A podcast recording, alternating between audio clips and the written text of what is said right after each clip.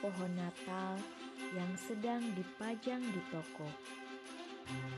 Pohon-pohon itu mulai saling bertanya, kira-kira siapa yang paling berarti dan membuat Natal ini berkesan bagi banyak orang.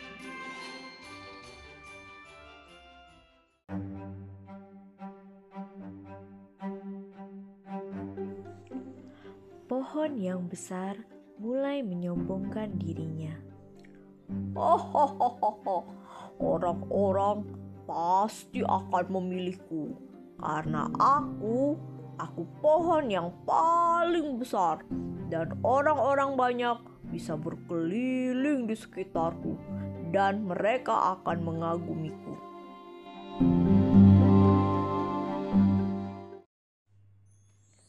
Benar saja, Natal besar itu pun dibeli dan dipajang di tengah-tengah sebuah mall, pusat perbelanjaan.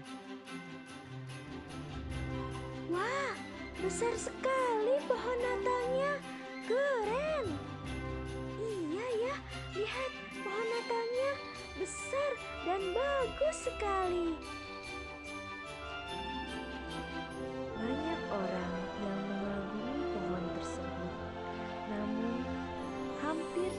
Ada yang berhenti di dekat pohon itu dan mengaguminya lama-lama karena semua orang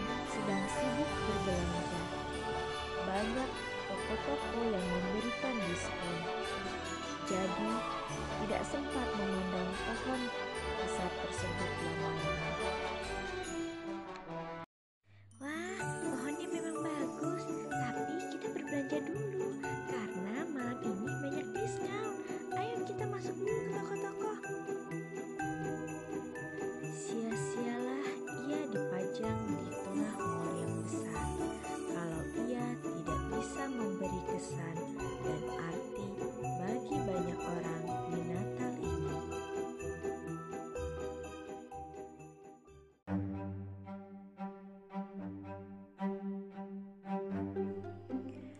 Di toko tinggal ada pohon yang sedang dan pohon yang kecil dan pohon yang sedang mulai berkata,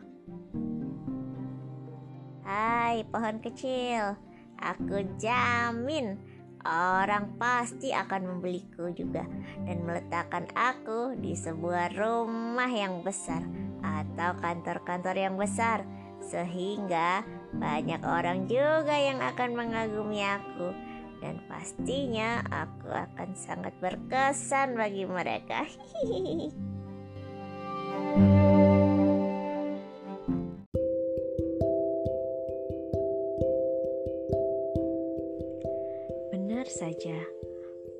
Natal sedang itu pun dibeli. Wah, ternyata ia diletakkan di lobi sebuah kantor. Tapi sayangnya, orang yang lewat hanya memanglingkan pandangannya sebentar pada pohon itu. Lalu tidak peduli karena semua sibuk. Dan besoknya, kantor itu sepi karena libur Natal. Pohon Natal sedang itu pun sedih karena kehadirannya sia-sia.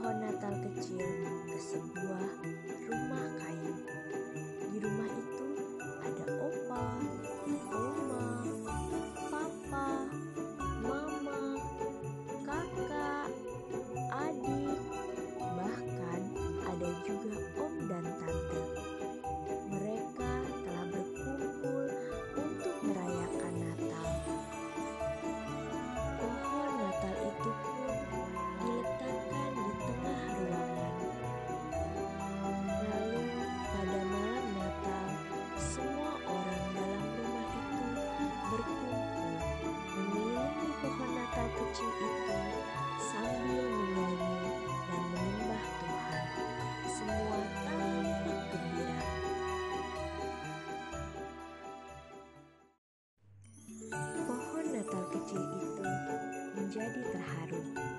Ia senang bisa hadir dalam keluarga sederhana ini. Ia senang telah memberi arti bagi keluarga ini. Meskipun keluarga ini sederhana, tetapi kasih dan sukacita selalu ada di sana. Dan meskipun pohon Natal itu kecil, ia bisa berarti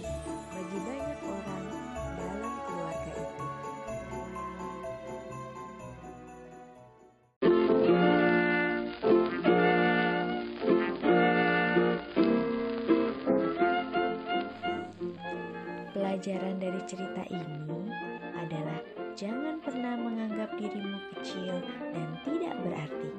Taburkanlah kebaikan, kasih, dan sukacita bagi orang-orang di sekitarmu. Niscaya kehadiranmu memberi arti bagi banyak orang, terutama bagi yang menderita, yang sedang sedih, dan membutuhkan kasih.